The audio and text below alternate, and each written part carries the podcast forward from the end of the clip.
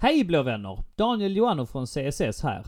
Innan vi slänger oss in i dagens avsnitt och medan ni förhoppningsvis har öronen spetsade, vill jag inleda med att informera om att CSS medlemsregistrering är öppen.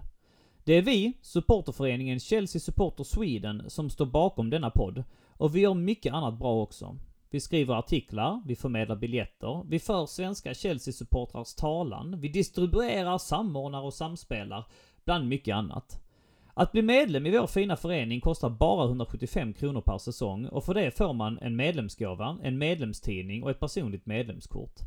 Man får dessutom mycket lättare att köpa biljetter till Chelsea-matcher och så får man den där speciella känslan av blå gemenskap som det innebär att vara med i en ideell förening på detta vis. Är du Chelsea-supporter i Sverige är det en självklarhet att sluta medlemskap i CSS. Och det är dessutom busenkelt. Man fyller i ett formulär och swishar medlemsavgiften. Det tar under en minut.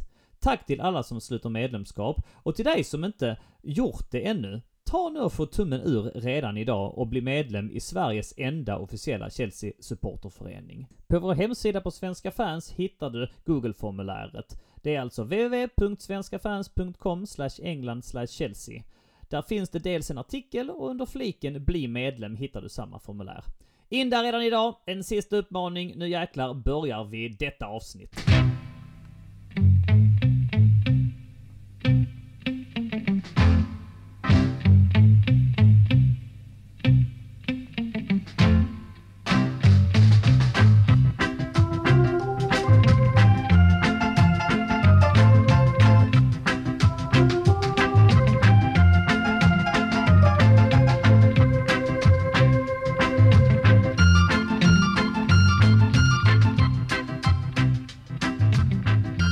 Hej blå vänner och välkomna till ett nytt avsnitt av CSS-podden. Och som ni redan vet så är det alltså den enda svenska Chelsea-podden skapad av och manövrerad av Chelsea Supporter Sweden. Den enda officiella Chelsea-supporterföreningen med platinamedlemskap i Chelsea FC. Den som rattar spakarna idag, det är jag, Daniel Joannou, även kallad Donny. Din blåa dirigent i den svenska Chelsea-orkestern. Och på bas, eh, eller trumma, eh, eller eh, fiol, eller vad du än föredrar Fredrik, har vi alltså fotbollskanalens stolthet.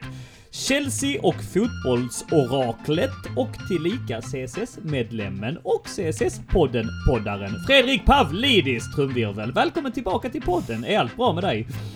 Det är fint tack. Jag började genast fundera på vilket instrument jag borde representera. Jag, var- jag var usel eh, musiker eh, och insåg snabbt att det inte var min grej. Men jag skrev, så att det var faktiskt det första jag gjorde var att eh, recensera konserter i Lund för Skånska Dagbladet. Stämmer. Så musiken är, intresserad, är jag intresserad av, men eh, ja, munspel får det bli i din orkester. Ja, men det är var det jag försökte med. Det är taget. Kan du bara så här inledningsvis då bara eh, droppa världens mest underskattade band? Världens mest underskattade band. Ja? En sån som man inte tänker på. Sån här alltså, kanske som du har recenserat någon gång på mejeriet i Oj. Oj, eh, Den var tuff. Den, den, den, den, ja, den, den var, den var Ja, men säg ditt väldigt favoritband. svår. Nu, nu, nu, nu lyssnar jag mest på, på hiphop på andra sidan. Så att jag, Är det så? Eh, och det finns mycket, mycket fransk hiphop som jag lyssnar på som jag eh, tycker eh, inte har fått tillräckligt med uppmärksamhet. Men då var det ju, eh, på den tiden lyssnade jag mer på, på eh, ja, lite hårdare musik, amerikansk hardcore och sånt där. Sick of it all var ett favoritband som jag recenserade då, som aldrig nådde några kommersiella höjder, men som jag tyckte förtjänade i alla fall på den tiden. Sick of it all, mental note och eh, note på pappret för mig alltså. Ska vi dyka ner i vid tillfälle. Jag lyssnar mycket britpop men det hör ju min skrud till så att säga. Mm. Ja, men där, där har jag också landat eh, många gånger genom åren. Ja, faller alltid tillbaks där. Som Oasis och Pulp och... Ja, det är bra grejer.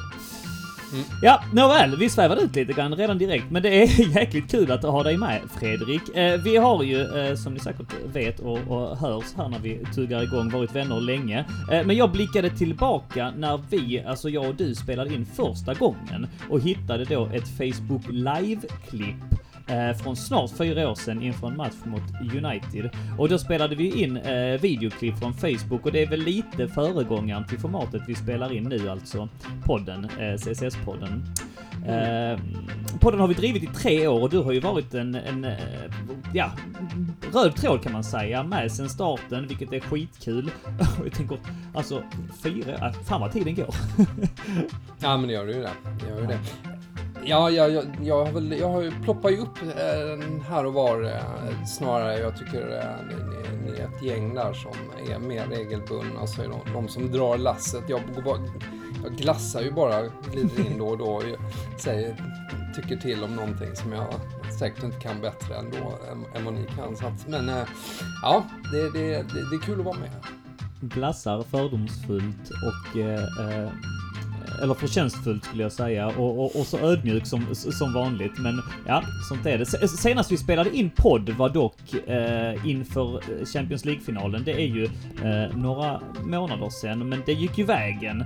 Eh, och det innebär också att eh, vi har mycket att bita tag i just idag. Så att vi slänger oss in i det, Fredrik. Välkomna till avsnitt 115 av CCS-podden.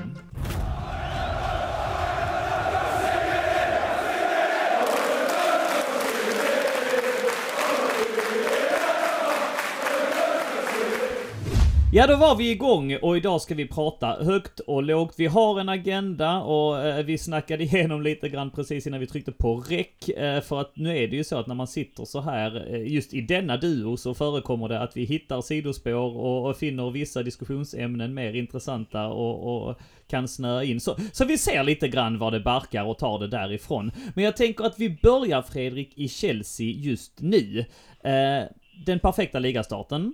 Eh, Tre vinster, en oavgjord, blott ett mål insläppt och det kom från en hårt dömd straff. Och senast det begav sig nu i veckan handlade det om Champions League och då stod man ännu för en stabil insats med en hållen nolla och tre poäng.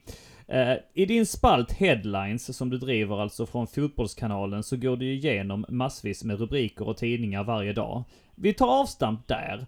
Hur aktas Chelsea i England just nu och kanske i Europa också generellt?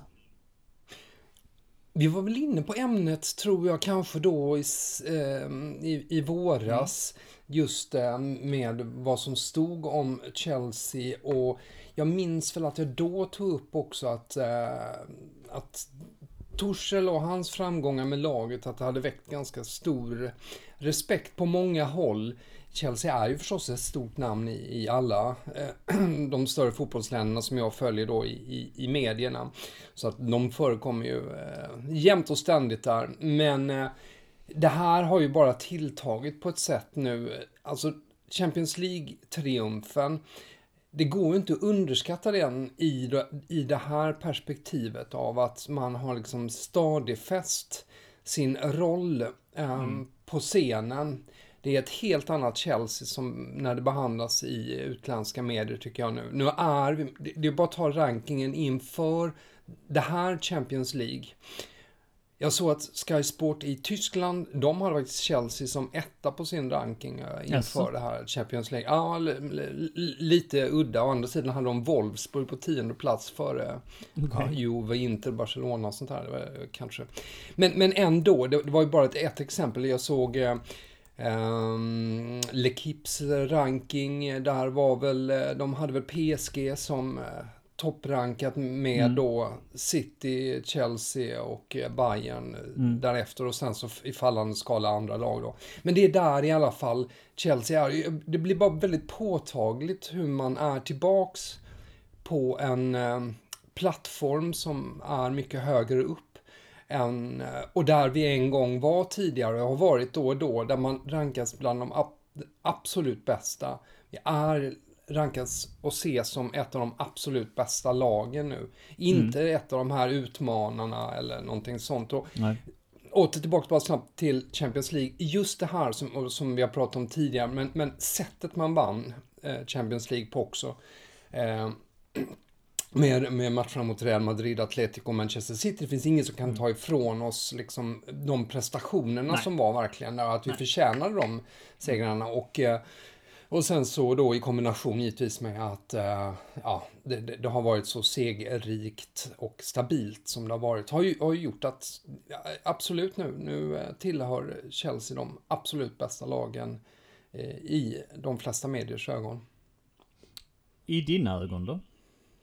Ja, men så är det ju. Det är svårt att komma ifrån på något sätt. Jag, jag vill ju gärna, du vet hur jag är som ska vara Ja, men det är det som är så men, intressant. Men det, det känns så...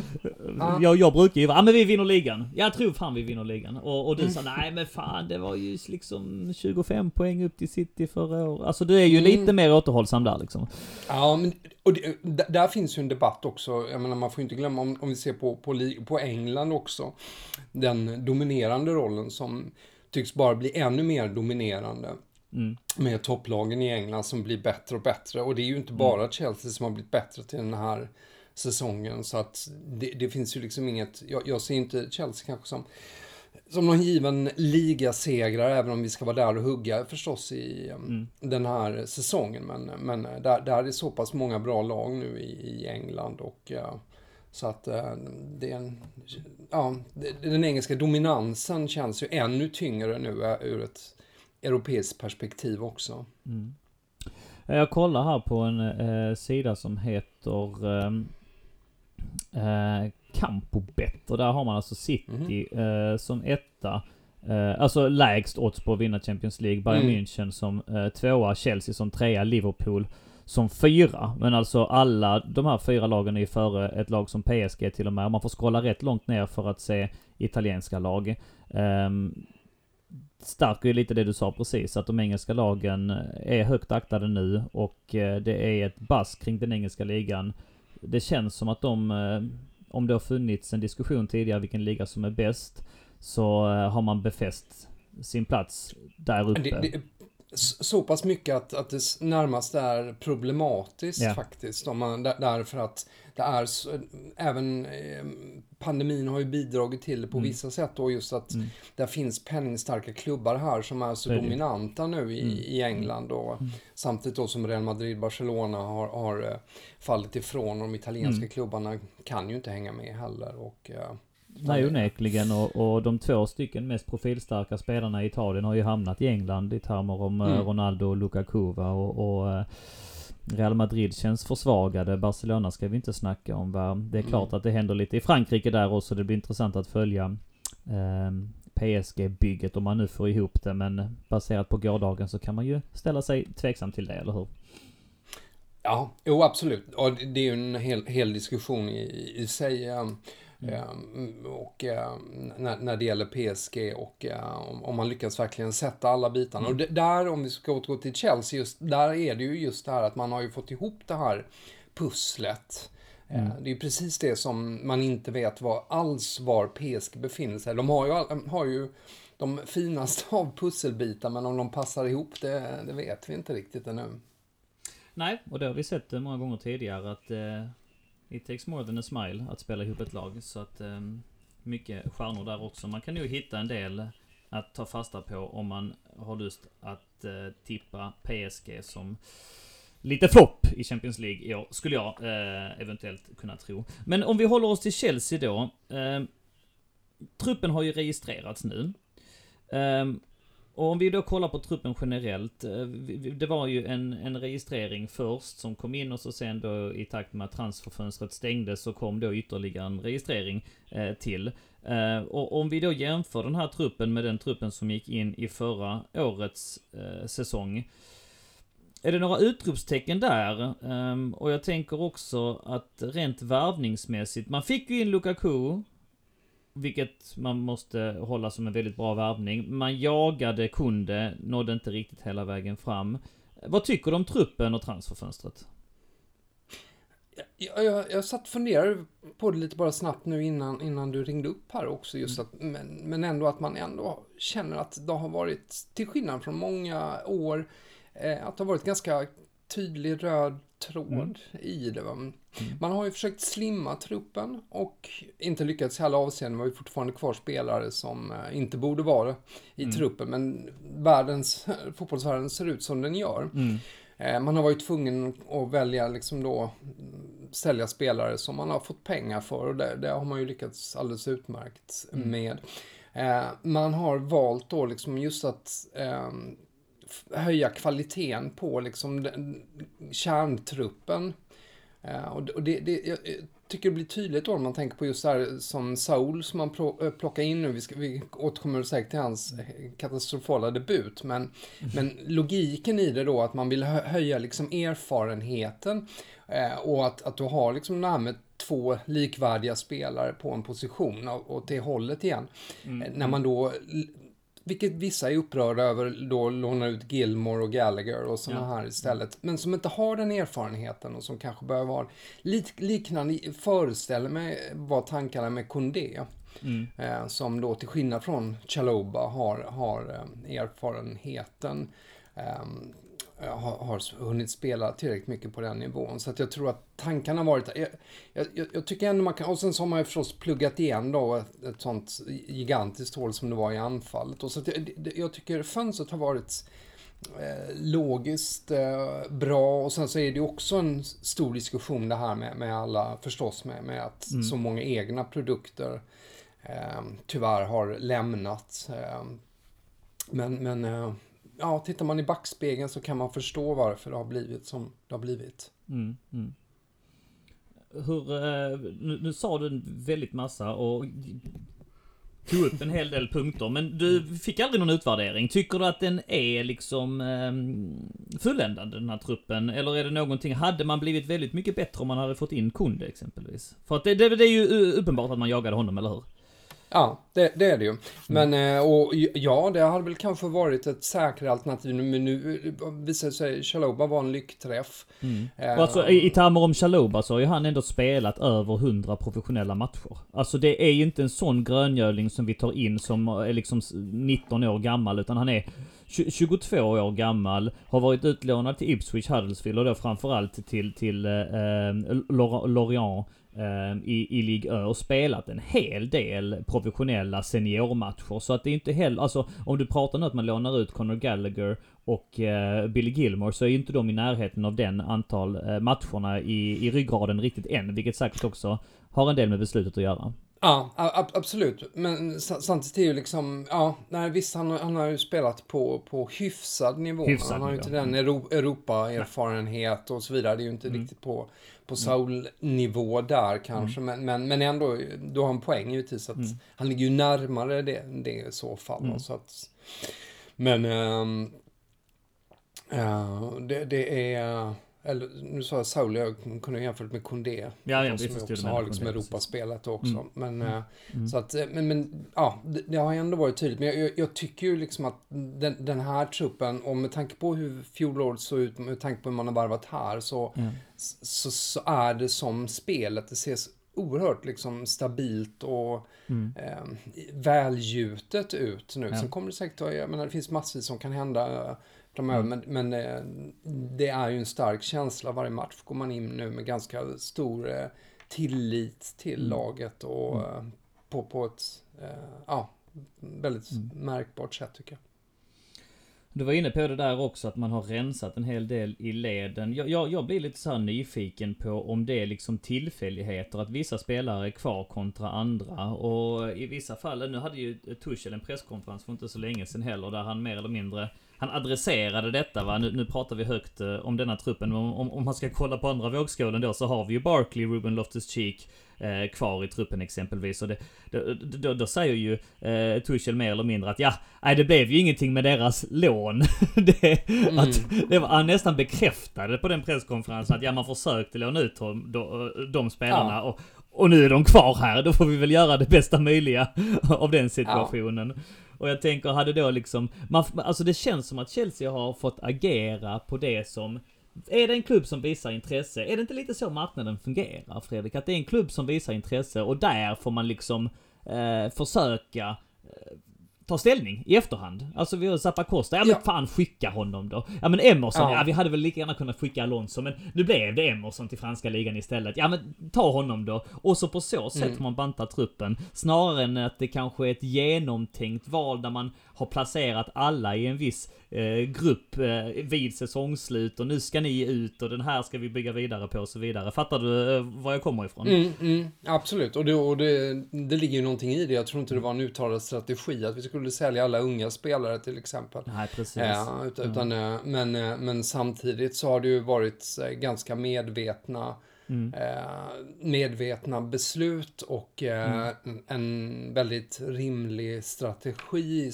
i slutändan när man, när man ser på det, även om man mm. i stunden tyckte det var liksom ledsamt när man såg, vad ska jag ta, livrament och gå för ingenting till ja. Southampton och så vidare. Men, men Um, det, där, där, finns onekligen en, en, en, röd tråd i det här som, som jag ändå tycker blir, blir tydlig i efterhand. Men det är ju liksom små marginaler mellan eh, genialitet och dårskap där va. Speciellt när man pratar om de här summorna också va. För att eh, någonting som kan eh, uppfattas som väldigt eh, genomtänkt eh, och, och eh, ett beslut byggt på någon strategisk grund kan ju lika gärna falla väldigt konstigt ut. Jag menar, nu så hyllar alla Chelsea då för att man har eh, lagt ut en 90 dryga miljoner pund på Lukaku, men sålt spelare som du är inne på här va, för Ja, det är upp mot en 120, lite beroende på vilka källor man använder sig av. Kanske mer, 120 miljoner pund. Man har ju gjort ett, ett nettoplus liksom. Och sålt Abraham, mm. Zuma, Tomori, Guehi, Zappacosta. Um, och, och, och, och, flera, många unga spelare också. Vi går in på det lite senare. Men jag menar, skulle nu Rydiger inte skriva på uh, här, och det är liksom, ja, några månader kvar innan han kan få förhandla fritt med eh, alla klubbar som det nu ryktas om att han vill förhandla med. Um, mm. Och han går på fri transfer nästa sommar. Ja men då står man där och ser bra dum ut att man sålde Zuma och kanske inte övertalade Marco Ehe att stanna, eller hur? Ja, alltså jag... Det, det du har aldrig varit eh, särskilt eh, förtjust i Zuma, eller hur?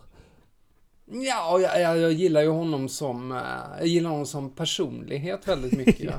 ja. bara, bara liksom hela med namnet Happy och att han ja. är döpt efter någon, eh, var en Van Damme-karaktär från en film. Det är ju så, det är så underbart bara det. Som verkar ja. ju, han verkar ju jätteskön. Men nej, inte helt pålitlig som spelare. Men, äh, och det, Um, han, nej, det, alltså som komplementspelare absolut. Mm. Det, det, funkar, men det, mm. det är ju inte en, en given. Men nu har det ju funkat så bra dessutom med Christensen som har tagit steg fram till Rydiger som har mm. blivit självklar och så vidare. Så att mm. den, där finns ju uh, tillräckligt där. Men, men för att återgå till det du säger om att om, om, om Rydiger skulle gå på free transfer då och sånt där. Ja, det är väl sånt man kanske får tugga i sig. Det går mm. inte att planera Helt perfekt. Precis som det här när du var inne på det med, med spelare som är kvar mm. i klubben. Jag tror alla stora klubbar sitter med samma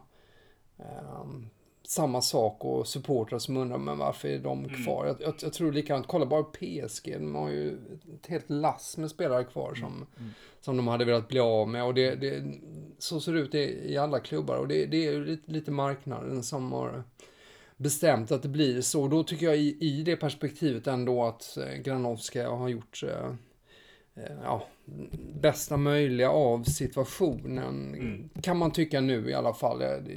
Ja, det, det, det, vi kan få se det på annorlunda som du var inne på nästa sommar om det, om, om det inte faller väl ut så som man har mm. gått tillväga. Men, men just nu tycker jag det känns logiskt. Mm. Ja, nej men det är tvära kast, det är små marginaler och med all social media och Twitter och alla vetare där ute så granskas allting från alla olika håll och det är, det är ja, lätt det... att man liksom idiotförklarar utan att egentligen gräva på djupet och jag tycker det är därför det är väldigt eh, nyttigt att, eh, att snacka kring de här eh, situationerna på ett så lite så... mer nyktert sätt. För jag tycker ju också att Eh, om man utvärderar fönstret för vad det är så, så är det ett, mm. ett jättebra fönster. Eh, mm. Ja, nej, nej, jag tänkte bara, bara flika in bara också mm. kort här, just när det gäller de engelska spelarna. Man, man måste ju komma ihåg det där. Alltså, det, för oss supportrar är det jävligt smärtsamt när de försvinner och när vi har så många bra unga spelare som har lämnat. Men mm. det fanns kanske ett alternativ heller här. Livramenten, skulle han peta då? Nej. Istället för, eh, är det mm. Reece James han skulle peta då? Skulle vi mm. sälja Reece? Alltså, det, det, man måste tänka ett steg till. Mm. Uh, och likadant det här att eh, då var det ju de alternativ, man kan låna ut dem. Mm. Eh, men det är inte alla som vill, utan de vill, de, de, har, de är otroligt drivna, många av de unga spelarna. Mm. De, vill, de vill till en ny klubb. Då, då kan vi infoga en återköpsklausul som det har varit i, i flera fall, vilket Mm. är positivt då. Och sen så i slutändan komma ihåg det här också att akademin, det är inte givet att all, all, alla de bra ska ska gå upp i A-lag. Det funkar inte så längre. Det, det, det, är inte så, utan det är ett läroverk som, som... Det är väldigt positivt att vi har spelare därifrån som sprider goda ryktet, liksom. Mm. Att vi har ett, en av, av världens bästa akademier. De, de lyckas utomlands vara glada för det. det. Det är skitbra att vi har en jättebra akademi. Det, Mm. det är liksom bra på alla sätt, men det betyder inte att alla kommer att slå sig in i A-truppen eller vill sitta på bänken. Nej precis, och det, det vi pratar om just nu det är ju alltså eh, en snackis som ändå varit i eh, Chelsea supporterled här under sensommaren och kanske inledningsvis i säsongen. Och det är det man eh, rynkar på pannan åt va, i allt som är positivt, det som, som, som lyfts fram som negativt är ju att man har blivit av med en hel del akademispelare. Och det är rätt många som raljerar över detta på Twitter framförallt. Och eh, om man bara listar dem så är det väl framförallt Livramento som du är inne på som gick till Southampton. Vi har Bate som var väldigt eh, lovande och hyllad på mittfältet som gick till Leeds. Vi har Mark Guehi som förra året eh, spelade liksom playoff med Swansea och blev utsedd till matchens bästa spelare i två matcher i, den, i, i de playoff-omgångarna. Eh, mittback som gick till Crystal Palace. Där fick man ju ändå hyfsat betalt, en, en 20 miljoner pund någonting. Mm. Och sen har vi även då eh, Anjorin som gick till Moskva. Där är det väl ett lån, men om jag har förstått det rätt så är där en, en köpoption som man, man får nyttja och sen så finns det även en återköpsoption från Chelsea då. I vissa Ja. fall har man återköps... Och så då framförallt eh, Fikayo Tomori som materialiserades då i sommar. Han var ju utlånad förra, förra året men det blev Tammy klart. Abraham bryr du dig inte om. Han räknar jag väl inte som från akademin direkt. Men visst, Tammy Abraham sålde man också, absolut. Men, men nej, det är möjligt att jag slentrianmässigt, för det tyckte jag att det var bra business, helt ärligt. Jag, jag, det har jag sagt i podden här också tidigare, att han eh, har inte riktigt det i eh, yttersta spets för att bära ett Chelsea-anfall. Och det, det kommer vi in på lite senare också. Mm. Varför jag tycker så, och jag tycker att man kanske har fått lite rätt där också. Eh, men, men nåväl, det är då vi pratar om, ja. Vi väver in Tammy Abraham där också. Eh, är det, tror du att det är liksom, är det, det du är inne på här, slumpens skördar eller, alltså i vissa fall så, jag vet ju de facto om att man har försökt förlänga, men, att- men att man, som du är inne på i Livramentos fall här, hur ska han kunna ta en plats framför Reece James? Likadant med Mark Guehi, har han nu gått ut och visat att han håller på den första, högsta nivån. Vill han sitta eh, kvist då bakom alla, alla stjärnmittbackar som vi har i klubben? Det är ju inte bara svart eller vitt att klubben är idioter som låter de här spelarna gå, utan ibland handlar det ju om att man inte har något annat val, eller hur? Och nu råkade det väl träffa Ja. in att rätt många gick från de här leden och att man bara får förhålla sig till det. Ja, så, så är det ju faktiskt väldigt mycket. Och sen så, man, man, det är så att eh, 18-åriga spelare och idag har en betydligt starkare vilja och eh, självuppfattning än vad man hade för kanske 10-20 år sedan. Det funkar liksom inte bara, du, du bestämmer inte att en spelare ska vara kvar och de har starka personer vid sidan av sig också och så vidare. Så det, man får man får svälja helt enkelt att, att, att det blir den här typen av äh, händelser. Nu är det ju väldigt speciellt den här sommaren i och med att dels på grund av att det var pandemieffekterna och, Mm. och, äh, och dels av att vi har haft så många unga talanger som håller hög nivå. Mm. Um, det vet jag, det, jag menar vi kanske inte kommer uppleva det här igen, det som har varit då och som då har fått effekten av att vi har fått en del som har slagit igenom i, Mm. i laget och många fler då som eh, säkert kommer ha bra karriärer på andra håll. Och så vet vi också om att när vi har släppt akademispelare, det är ju faktiskt rätt sällan de uh, går och rosar marknaden, ifall vi ska vara helt ärliga. Om, om man då ska kolla Mm. liksom historiskt sett. Det finns ju inte jättemånga som man eh, hade tagit tillbaka. Alltså jag tänker på hur hyllad Van Anholt var till exempel. Ja men han hade en hyfsad karriär liksom. Eller mm. eh, Nathan Ake, där fick man ju chansen att värva tillbaks honom men valde nej, nej, det är nog inget för oss sådär va. Och, och alltså innan det, man kan backa bandet hur lång tid som helst, Josh McEachran, ja. Michael Mansian. Vi har sett dem komma och gå. Bara för de är hyllade vid ett tillfälle behöver inte det heller per automatik betyda att man har det är i det långa loppet va. Och det glömmer man ofta bort när man pratar här också. Utan det är liksom någonstans lättare att idiotförklara klubben och, och landa i den slutsatsen för att man inte... Ja. Ja. Och det, det, det har ju med supporterskapet också att göra. Man, man, man, man, vill man ser ju också dessutom gärna sina egna talanger i lite mm. positivare ljus än, eh, mm. och kanske överdriver deras äh, kvaliteter eller inte riktigt. Mm. Man kan inte jämföra heller när de är så pass unga alltid heller. Så att, äh. Nej, precis. Eh, vi flyttar fokus till inledningsvis här i matchandet då, om vi lämnar truppen. Eh, som jag var inne på tidigare så ser det ju stabilt ut. Eh, det styrker ju du också med, med det du lägger till här i diskussionen. Eh, men om du skulle peka på någonting, vad och vilka har stuckit ut?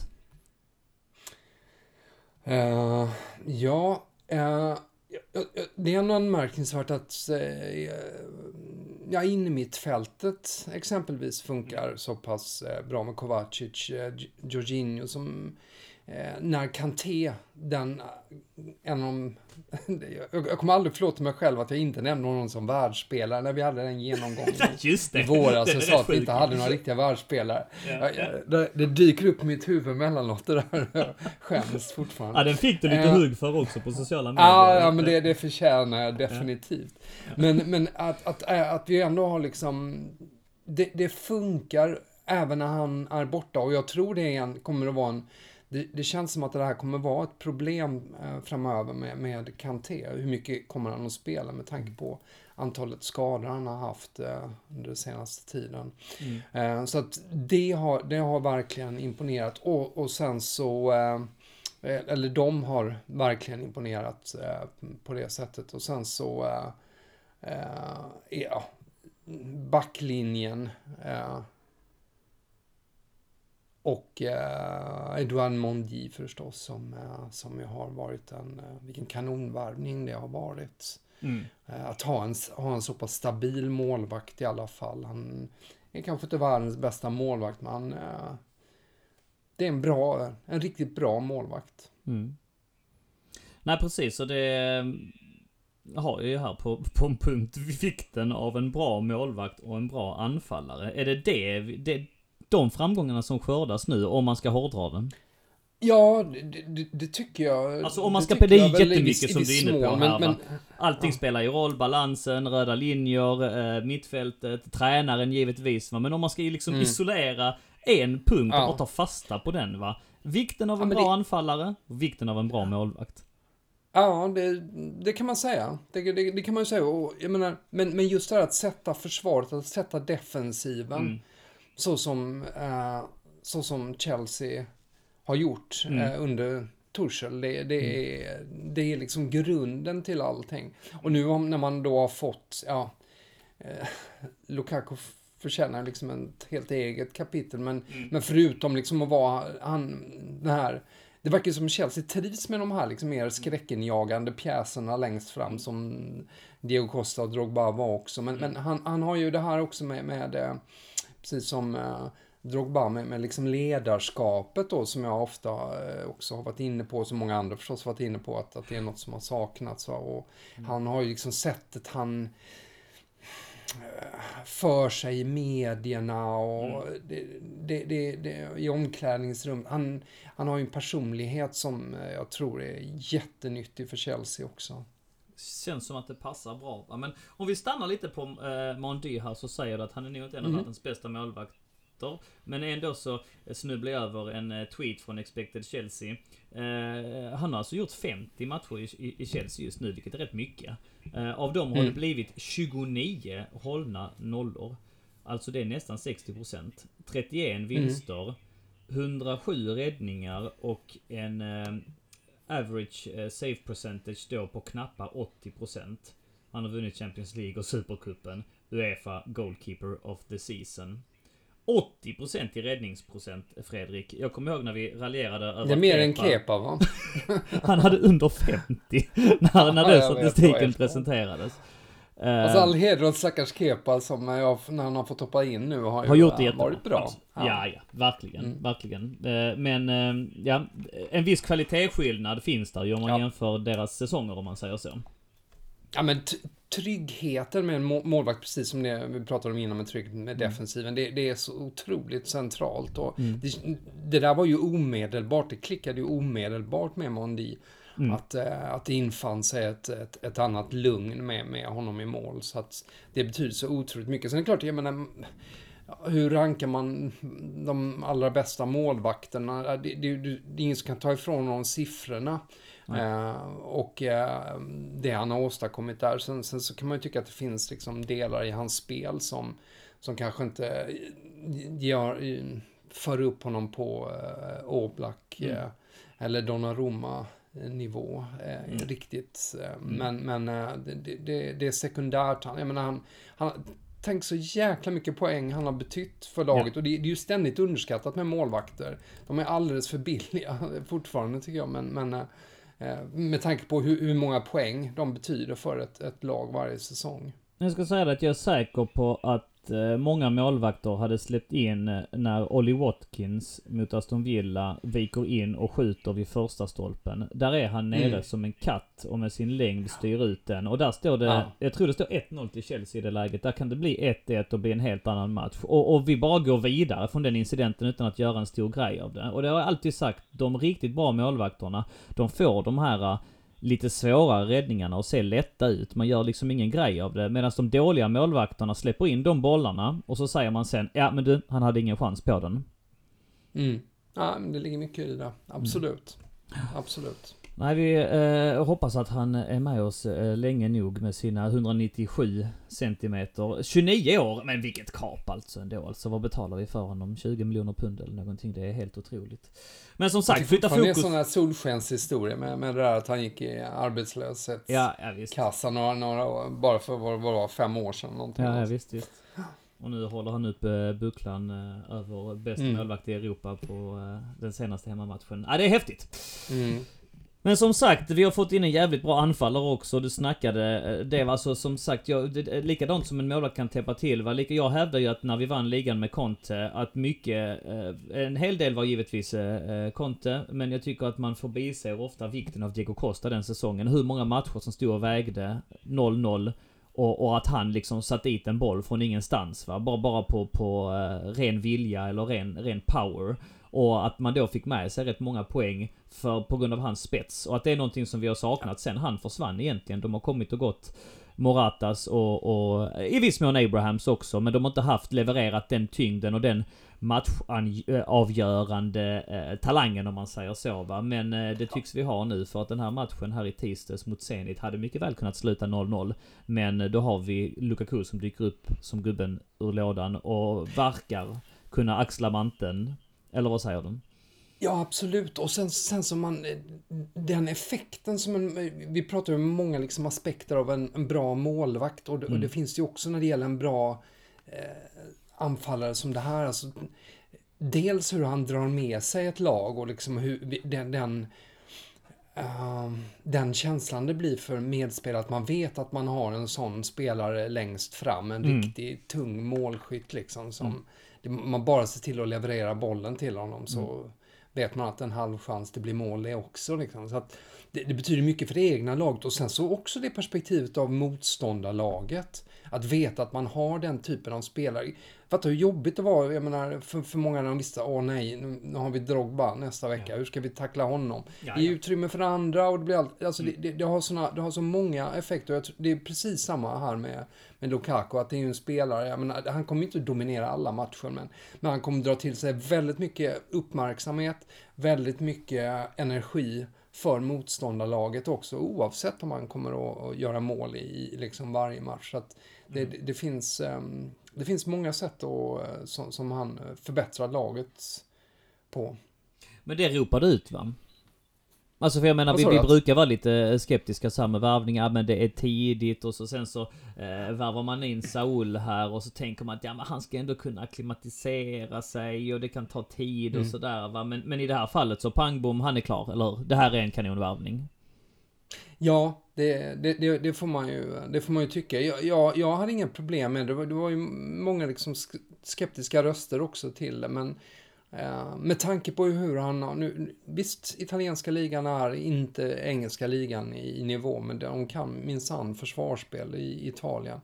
Så jag menar, om man har sett hur han har utvecklats eh, ehm, och sett också, jag, jag, jag tycker att han har utvecklats mycket som människa också, sånt där, från att ha varit eh, eh, alltså att han har blivit mycket en ledargestalt och har liksom, eh, han, har, han, har, han, har, han har blivit mycket mer än vad, än vad han var tidigare. Och han kändes liksom, inom citationstecken, misshandlad lite i, i Manchester United till exempel då. Så att, Ja, så att jag, jag, visst, där finns, där finns ju de här sidorna av honom där han kan se lite nästan klumpig ut ibland eller något sånt här. Men, men eh, ja, det han har slipat bort det mesta av det och han har, han har utvecklats som anfallare väldigt mycket i Italien. Så att eh, Sen är det ju en fråga liksom, ja, vi har ju inte... Conte-dieten någon- som har fått rip, eh, honom rippad känns det som, eller hur? Men han är Ja, ju känd för sina, det att kunna mycket. liksom eh, sätta eh, individer på specialträning och hela lag på specialkost och sånt. Det gjorde han med Che- med Chelsea den Precis. säsongen också. Och det, Och det gjorde, det gjorde han ju med honom också. Ja men det är med onekligen, alltså det ser man ju. Det, det, det krävs ju inte Mm. någon större efterforskning eller någon Nej. eh, PhD,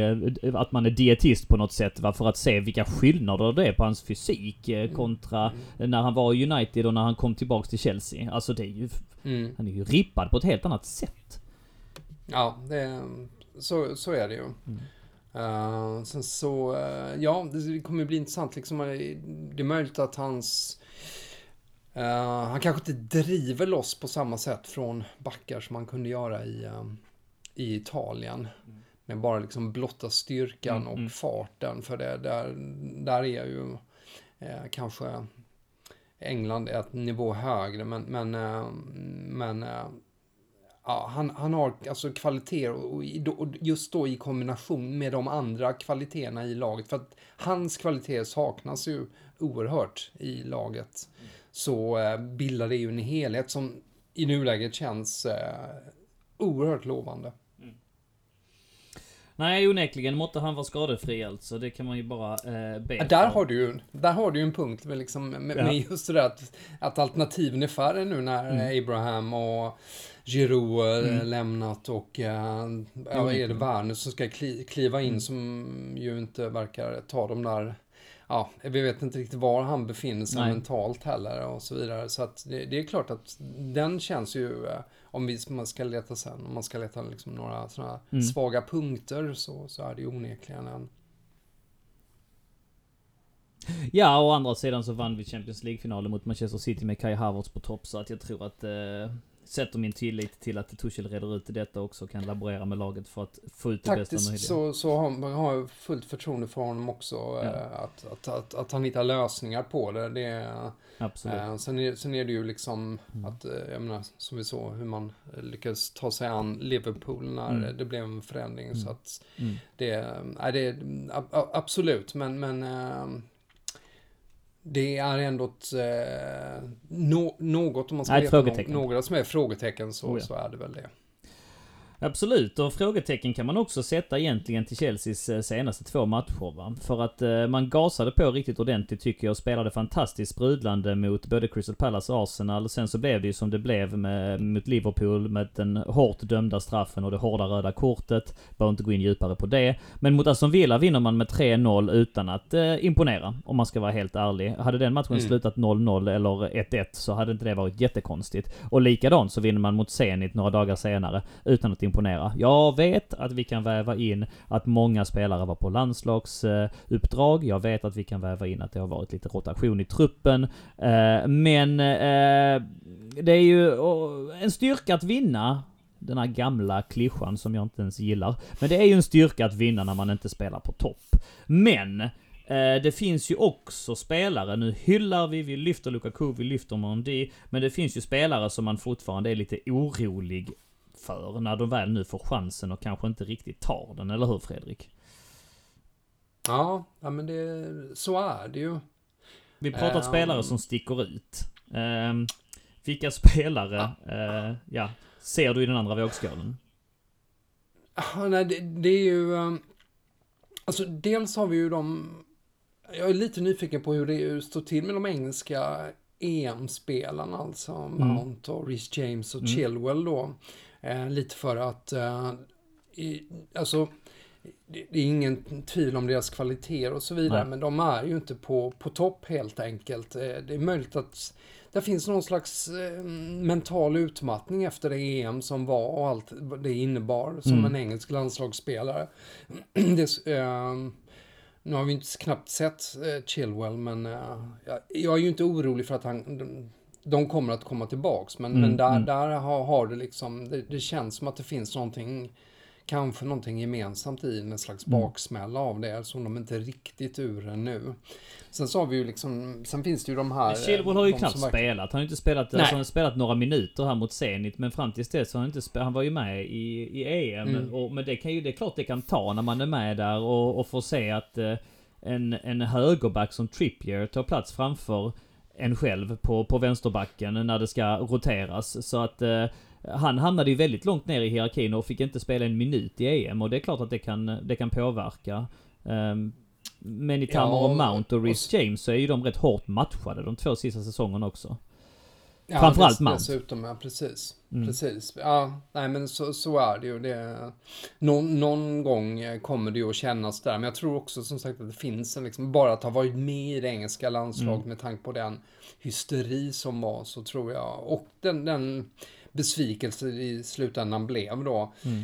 Eh, så, så är det nog en, någon, en, tar det kanske sin tid att ta sig ur det. Ja, och det Mm. gäller nog all, alla de spelar. Men sen, sen är det ju, sen är det ju framförallt ju eh, de här som man hoppas ska trixa lite framåt. Hudson Odoi och Pulisic och Ziyech. Varför tar de inte chansen nu då? Det är ju, det är ju Mm. 100% läge till att göra det, eller hur? Ja, Och vi, om vi kan börjar på lite, Callum kan ju vara lite då. olika, eh, lite olika mm, situationer också med dem, Mm. men, men jag vet inte, i- både Pulisic och Ziyech fall så, så handlar det väl delvis om eh, skadeproblem, återkommande skadeproblematik Mm. som gör liksom att de eh, dras tillbaka när de tar ett steg framåt och sen så är det ju liksom en, en, en ett Pulisic verkar ju liksom hopplös med det att han, eh, han kan ju nå enorma nivåer men också vara liksom helt borta. Eh, eh, S- Ziyech, jag vet inte, kanske lite aningen, men det, det, det, det är liknande problematik. Det Hudson och Doy tycker man ju bara synd om på något sätt. Jag vet inte. Det är inte så jäkla lätt heller som när han får så lite chanser. Jag, lyssnade i Athletic-podden nu senast Mm. också. Där de då pratar om eh, just att han fick så otroligt mycket skit av uh, Torshäll vid sidlinjen igen. Mm. Ja, han spelade ju... Han fick ju starta mot Aston Villa. Ja, Och eh, Ja. mycket av det efterspelet har ju handlat om att han eh, blev väldigt skälld. Eh, ja. Det, Precis på det är lite sorgligt. Eh, Det är ju inte riktigt hans position heller alltså. Nej, Som- precis. Liksom Han- han eh, djupledslöpande ytterback. Nej, det, jag, jag, jag tycker verkligen synd om Man kan ju vara frustrerad med att han har, man, man har ju sett hans potential Mm. och vad han, vilka höjder han skulle kunna nå. Lite sitter ju givetvis i hans egna fötter och i hans huvud att Mm. han inte eh, har gjort mer för att ta vara på den obestridliga talangen. Men, men, eh, men eh, sen så har han ju eh, blivit ganska tilltufsad. Eh, Han har onekligen varit en av de som har lidit av Torshäll här, där det inte liksom har funkat. Så att där hade i hans fall vet jag inte om det, just det här med, med om han skulle kanske byta klubb. Um, men han behövs ju nu, för breddens skull och med tanke på just att vi har Ziyech och eh, Pulisic som är skadade och, eller eh, dålig form och sådär så behöver vi ju många alternativ. Eh, så han behövs ju å andra sidan i, i truppen just nu. Tror du det är en attitydfråga? Svårt det där. Uh, man vill ju gärna, of, ofta ser man ju det som supporter när man ser en talangfull spelare som man tycker är, inte tar tillvara på sin talang mm. tillräckligt, så ser man det som en attitydfråga. Jag, jag, jag har, har inte hört tillräckligt mycket viskningar om det eh, där. Jag vet inte. Har du eh, hört något mer om Nej, men känslan jag får är ju... Eh, alltså när han blev inbytt och utbytt förra säsongen av Tuchel så var det ju mer eller mindre bekräftat att han tyckte att han inte hade följt instruktionerna. Och det, det gör man ju bara om man inte tar till sig instruktionerna. Och det brukar ju bottna i dålig attityd. Och att... Uh, ja, men det kan ju bottna i att man inte heller... Det är ju vissa spelare som inte är så taktiskt lagda. Eh, man, som har svårare... Ja, man behöver inte vara dum i huvudet för det, men, men att man inte har den liksom eh, taktiska mm. förståelsen riktigt. Mm. Eller de små... Mm. Inte, inte kan urskilja nyanserna i ett budskap från tränare och sånt där som Eh, så att det, kan, det, det, kan ju bero på sånt också. Men äh, det, han är ett svårt fall, Hudson Odoi, men det är verkligen en som jag känner skulle må bra egentligen av att uh, röra på sig och mm. få, få testa. Ett, ett lån hade ju varit alldeles utmärkt. Ja, det, Dortmund var ju villiga att låna honom. Men ja. det kom väl in lite sent va. Och som du är inne på så kan man ju inte skeppa bort alla heller så att... Mm. Nej, nej men det är intressant. Det, det är ju... Eh, vi, vi får se vad det barkar eh, helt enkelt. Mm. Jag har, tyvärr så har ju inte Callum Hudson-Odoi rosat marknaden sedan han skrev på sitt kontrakt. Och jag vet om att det är med hans, att, det, att vissa vill få det till att det är hans skada där eh, som ligger och spökar. Men jag undrar om det inte är dålig attityd alltså. Ja, fan jag får såna, såna klockor som tyvärr slår negativt i mitt huvud. Mm. Ja, nej, det, det, det är möjligt. Det, mm. det finns vissa, vissa av dem. Eh, han skulle ju kunna falla in i en kategori, men jag har inte mm. hört, eh, som sagt, nå, något om det. Mm. Att, att, mm. att det skulle vara det. Samma sak man blir positivt överraskad att höra om Ross Barkley som var så... Yeah. Som jag har där, där man ju annars har hört en hel del eh, liksom, om, om att han skulle han stått upp och gett Kovacic stående ovationen när han Exakt. gick till intervjumikrofonen och han är tydligen ute och, och tränar liksom på uppvärmningen, ger allt fastän han vet om att han inte ska bli inbytt och...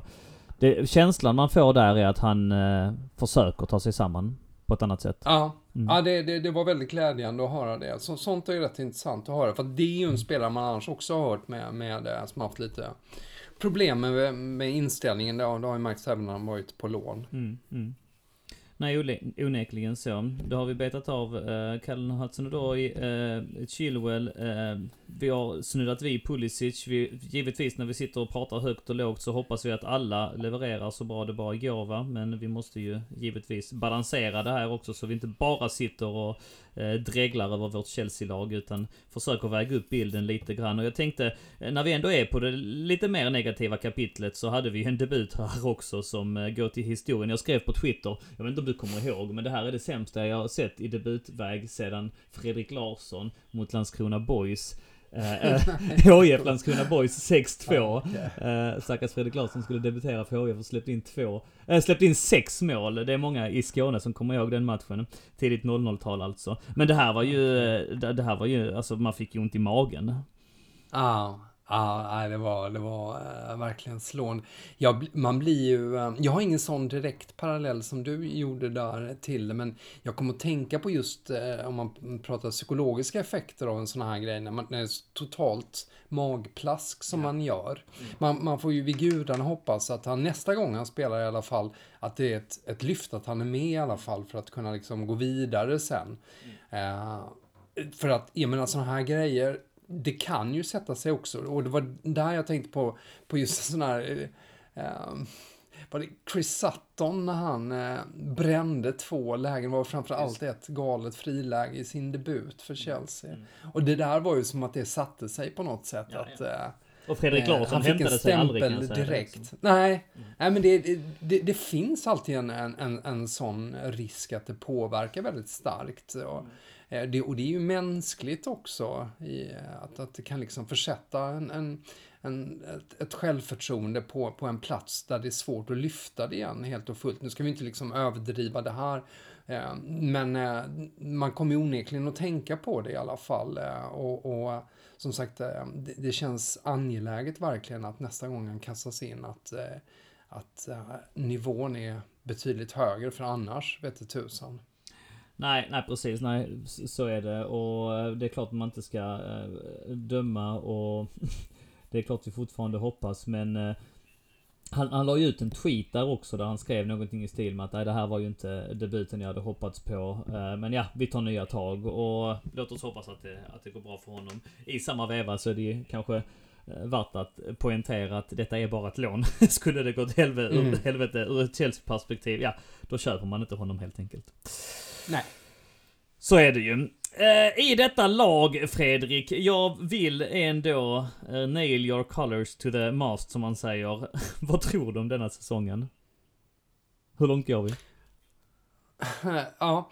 Uh, du hatar att tippa, jag, jag vet det, men jag tycker Ja, jag, jag, jag vet. Det, det, och det, du älskar att ställa den frågan till mig ja, just därför. Ja. Uh, men, nej men det, det, det, finns ju liksom, det känns ju inte som att det finns några. Jag, jag tänker på förra året vid den här tiden.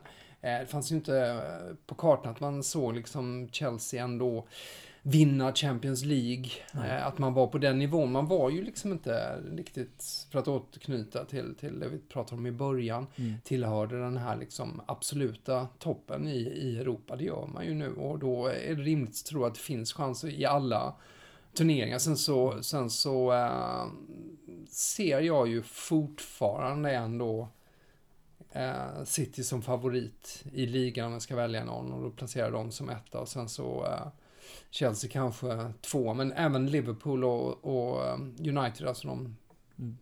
fyra stora liksom, det, de, alla har ju höjt sig till den här säsongen. Så att mm. eh, jag tror det blir ganska tight, men kanske tydligare än tidigare att det är de fyra som är bäst rimligt att tro att det finns chanser. Nej, det är att sticka ut hakan Pavlidis alltså. Ja. ja, men det var fan, jag, det går ju inte att säga att man kan vinna. Alltså, jag, jag tror inte vi vinner Champions League igen, men fan, det, det, det går inte att vinna en back-to-back. -back. Det är bara Real Madrid med, mm. som lyckas med sånt när de är... Mm. Så att eh, det, det, tror jag inte, så att jag, jag, jag tror... Eh, jag tror vi går långt där. Mm. Jag tror vi kommer två i ligan och ja, jag tror vi kan spela hem någon annan av eh, kupperna, eh, kanske. Men eh, definitivt med och slåss om ligatiteln. Men eh, gruppen klarar vi va i Champions League. Jag menar, se, alltså Zenit är ju inte ja. skitdåliga ifall jag ska vara ärlig. Alltså det är mycket inför... Eh, De var här... inte det i, nu, den här matchen i alla fall. Nej, nej men precis. Men alltså det är mycket i uppsnacket innanför den matchen. Innan den ja. matchen som var just om hur usel den ryska ligan har blivit mm. och, och, och, att det har liksom eh, decline över de sista åren och att det inte finns några pengar. Den enda laget som har pengar är tydligen Zenit. Uh, och man mm. hade ändå gått sex månader utan förlust. Och, och, och rätt så liksom internationellt lag med många brassar mm. och sådär. Så att jag, jag, jag, tror nog, även om rapporteringen här i Sverige vill ha det till ett annat scenario, så tror jag nog att Zenit är, är bättre än Malmö. Jag tror att, att Malmö ja, kan, kan få det tufft. Alltså, det tror jag absolut. Mm. Och Juventus, eh, jag darrar inte eh, över deras ligastart direkt alltså. Så att det lär vi ju Men de kommer ju, de kommer ju att bli bättre. De, han kommer ja. ju, Allegri kommer ju hitta liksom, äh, sätta någonting någorlunda. Sen är det ju frågan vilka liksom höjder man når. Äh, och det, det, är ju här som, som Chelsea känns så bra därför att vi är redan uppe på liksom, där finns en sammansättning. Jag har hittat formen redan. Äh, och, och, lagt grunden sen tidigare i um, Allegri håller ju på eh, fumlar, eh, mm. famlar omkring fortfarande. Mm. Gazzetta dello Sport skrev idag om just att han kanske har hittat liksom konturen nu till ett 4-4-2 ja. att spela. Men det, det, är ju liksom, det, det, är ju ingenting som är, är, är färdigt där nu. Mm. Vi får se helt enkelt. Eh, tvåa i ligan och kan gå eh, bra. Um, vad var det du sa? Rimligt att tro att det finns chanser. Ja, det är bra Fredrik. vad, sätter du själv då? Nej, men jag, jag skulle jag, säga att det är rimligt att tro att det finns goda chanser att vi kan försvara Champions League-titeln. Nu ser vi här oddsättarna sätter oss också bland topp fyra, om det då står mellan fyra lag. Eh, så alltså, ja, vi har aldrig varit närmre eh, favoritskapet. Eller inte, inte på länge i alla fall. Så att det, är- för mig så... Jag tror mycket väl att vi kan vinna ligan och vi kan vinna Champions League idag. Men så vet jag ju Har vi, om att det... någonsin, har vi någonsin varit närmare ett favoritskap i Champions League? Nej, det tror jag inte. efter? Nej, nej precis. Nej, det Därför att när vi, har varit, när vi kanske har varit ännu bättre, de ab- absolut bästa årgångarna möjligen, Ja. så har andra lag varit Ja, ännu mycket bättre. Va? Så Mitten, att, eh, eh, kanske sent 00-tal där så kanske man har snuddat Mm. vid och, och varit nämnd som en av de fyra toppkandidaterna kanske. Men... men, nej, men Möjligen, möjligen. Men vi har ju haft liksom, man har ju haft Barcelona och Real Madrid och ja, de har ju alltid funnits över exempelvis. Ja. Mm. Ja, nej, det, det, det är spä- spännande, spännande tider på, på, på många plan. Onekligen.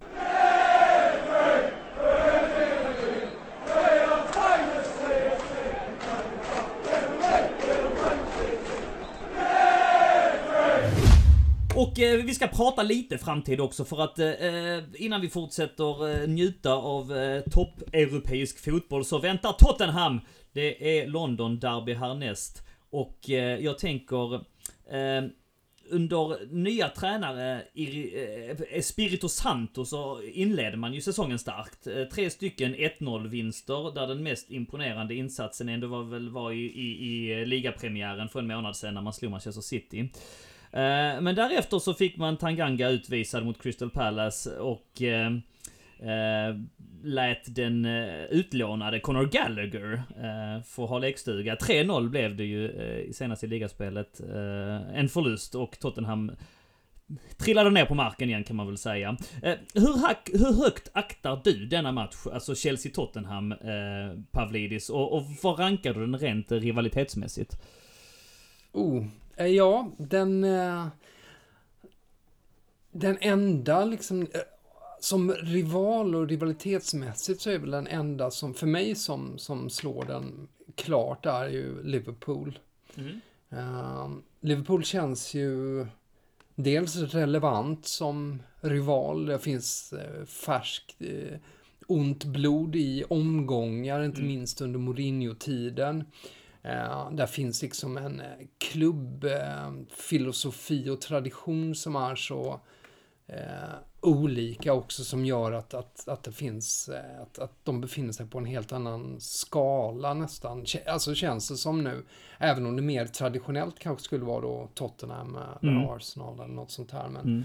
men Tottenham kommer ju ganska nära inpå. Jag, jag skulle nästan placera dem där. Alltså Arsenal har, har ju varit från och till, men jag, jag har inte, jag, jag har svårt att, eh, svårt att riktigt känna så eh, illa för, ah, alltså, eh, nu, nu pratar vi grader i helvetet här verkligen, men, men eh, de hamnar inte riktigt där utan eh, strax under och sen har man ju Leeds och alla de här. Men, och sen så, sen så kan man ju då, ja, jag, jag, skulle, eh, jag skulle ju ta in eh, Barcelona väldigt högt här också med tanke Mm. på eh, de senaste decenniernas Mm, mm. eh, och, det, och där är lite, finns ju lite av den här aspekten också som, som det gör kring Liverpool, att de tror sig vara för mer än andra, Ja. lite klubben och fansen.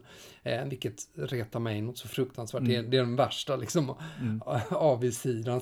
De här är liksom fanatiska, de är, de är ju liksom som... eh, Självhyllande. Ja, som, ja, de är ju sektliknande. Jag, jag, jag har otroligt svårt för det här eh, in, inom fotbollen överhuvudtaget. Mm. Än, än de klubbarna som är som Liverpool och Barcelona placerade där. Det innebär ju inte att det finns inte fin, det innebär ju inte att det finns eh, supertrevliga och kloka eh, både människor och spelare och supporter och allting kring de klubbarna. Men där finns de dragen som är väldigt påtagliga som gör att man, de ska hamna högt upp och avsky. Nej, jag placerar Liverpool, Barcelona högst och sen Tottenham. Ja, du gör det. Så Liverpool. För det är inte helt vanligt att man som, som eh, Chelsea-supporter gör. Men jag är ju villig att hålla med dig. Jag vet ju om att vi hade en diskussion med, eh, för några år sedan, om eh, Joe Coles övergång till Liverpool. Där jag menade att, eh, alltså för mig, det är ju rätt många som gillar Joe Cole och, och med allt eh, positivt han har bidragit till klubben och så vidare.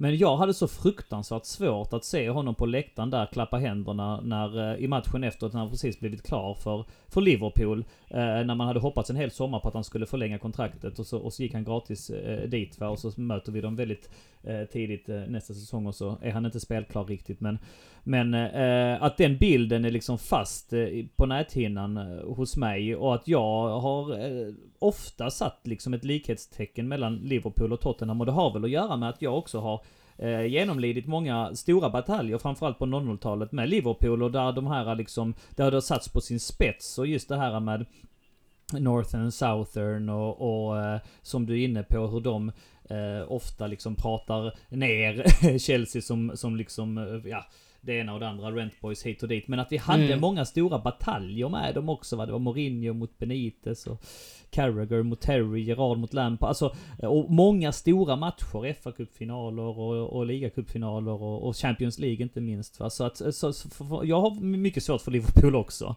Ehm, Mm. Och, och i Men det- Tottenham, det- det- förlåt, ta, ta vid. Ah, nej, men det, det, det är en viktig aspekt att, att, att det finns en historik där någonstans. Mm. Samtidigt som historiken kan ju inte vara allt heller. Jag, jag tänker på till exempel Leeds United. Jag, jag, jag, kan, jag, jag kan inte uppbåda den energin för Leeds riktigt ännu därför att Nej. det ligger för långt. Men där, för långt tillbaks, men, men där fanns ju något liknande också med, Mm. i de här skillnaderna mellan norr och, och söder och Mm, glamour precis. Chelsea och Ja, ja. arbetar eh, Leeds och allting. Så att Ja. jag förstår att där och då på 60-70-tal så var ju det en given liksom. Mm, mm. Eh, Hade jättemånga ingredienser för en riktigt eh, hätsk rivalitet. Men, men eh, här och nu så, så känns ju Liverpool i det avseendet mycket närmare. Plus att det finns en massa andra bitar där som gör att man riktigt ogillar dem. Ja, så är det. Men Tottenham äh, härnäst alltså, i det fallet så är det också lite så va, att eh, eh, någonting som de har gjort sig kända för på senare tid är att de har tagit rätt många av våra tränare. Och jag menar, det började ju redan eh, tidigt 00-tal med Glenn Hoddle. Och där var det ju rätt många eh, tuffa bataljer i framförallt kuppspel. Jag kommer ihåg en match, jag tror det var 2002, när Glenn Hoddle vann väl mot oss säsongen innan när vi hade Ranieri som tränare med 5-1 eller någonting. Och det var ju fruktansvärt förne- Mm. förnedrande i, eh, om det var ligacupen eller FA-cupen. Och sen så mötte vi dem då två gånger eh, i motsvarande cup året efter och eh, verkligen förnedrade dem. Och Lesaux, jag tror det var 4-0 det blev i den matchen som jag tänker på när Lesaux tar ett fullständigt onödigt andra gult kort eh, framför ögonen på Sven-Göran Eriksson i typ 79 minuten. Eh, och där var hans eh, aktier grusade för fortsatt eh, spel i engelska landslaget. Han gjorde en kanonsäsong där ju och det var många som ropade på att han skulle vara med i, i VM. Men, men Sven-Göran Eriksson menade på att man inte kunde lära en gammal hund att sitta och så vidare. Men där var det ju jäkligt många tuffa matcher och därefter så har det ju fortsatt lite grann med att de har fått både Vias Boas och, och Mourinho. Och det är väl... eh, Det är väl klart att det är lillebror nu, eller hur? Eh, Förlåt, nu har jag inte det sista. det är väl klart att de är lillebror nu alltså. Det är väl så vi Ja. ser. Ja. Jo, det, det, man, man vill ju nog hamna där, men, men det har ju givetvis med, med titlarna att, att göra att Tottenham har förpassats dit ganska Mm. tydligt. Jag menar, det, det har ju varit eh, rent, eh, det har ju på många plan varit mer en kamp med mm, de senaste decennierna med, med Arsenal på det sättet, Mm. med, med titlar och och så, så att Tottenham har ju hamnat i, i bakvattnet där samtidigt som, eh, ja, det har ju hänt lite där eh, eh, med nya arenan och allting som ju skulle kunna liksom potentiellt göra att, att, de, eh, att de lyfter. Mm. Men eh, ja, det, det är ju fortfarande ett stort frågetecken allting. Nu trodde inte jag att de skulle få en så bra start som de fick utan ja, det kändes det kändes ju väldigt darrigt i en försäsong, men de har ju sett lite bättre ut ändå. Jag tyckte, tycker, ehm, jag minns, det var nu på försäsongen, den första halvleken när vi mötte Tottenham, som Mm. de var så fruktansvärt dåliga. Skitdåliga ja. Men så tog de sig Ja. samman och lyckades få in två bollar från ingenstans Ja, andra ja halvlek. precis. Eh, Men då hade ju Chelsea lite lagt av och bytt ut halva Mm. laget kändes det. Så att då kändes det ännu mer sådär markant, även om man aldrig ska döma någonting efter Mm. försäsongsmatch. Eh, Men då kändes det ännu mer markant att vi befann oss på helt olika nivåer. Men eh, de har, eh, ja, de har ju, de har satt det hyfsat i början. men Förhoppningsvis så håller de på att landa mer på en normal nivå nu och börja sjunka neråt lite. För allas trevnad. Och tror du om matchen Ja, då? Är det bara att åka dit och hämta hem tre pinnar? Ja, jag, ty jag, tycker, jag tycker faktiskt det ska vara tre, Mm.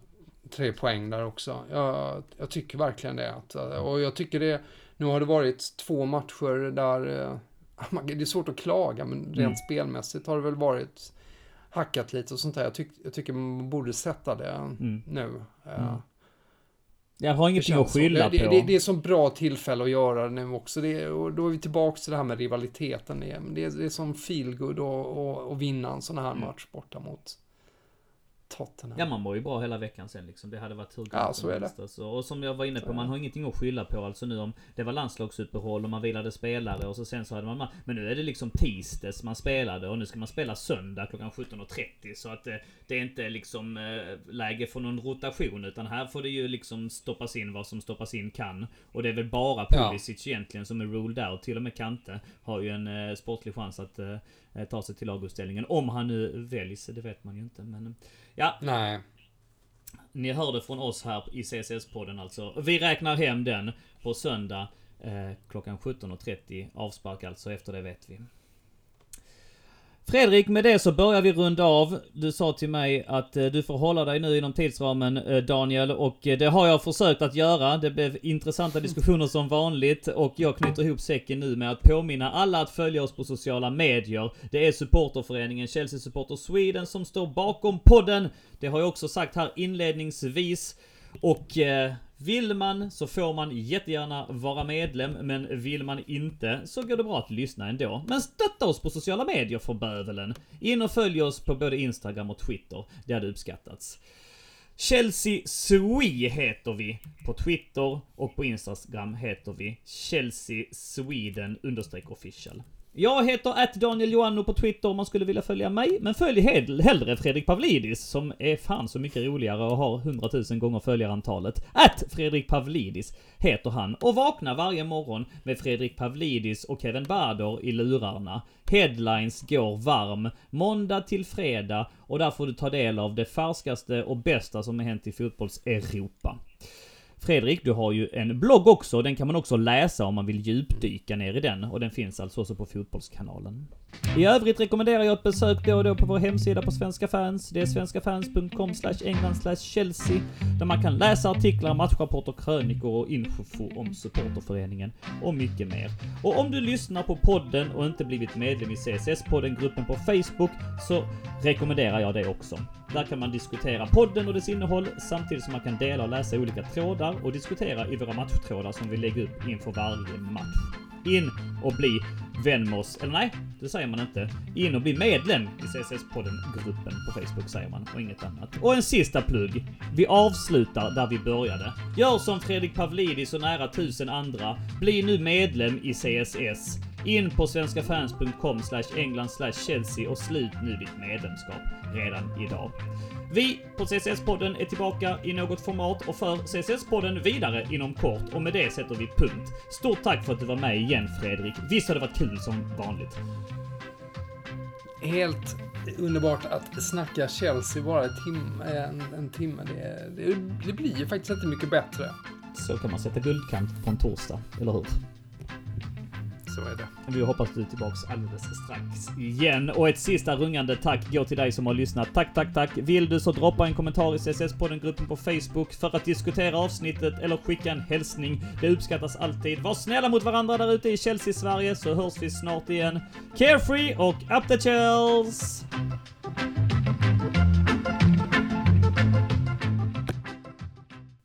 And it's a wrap.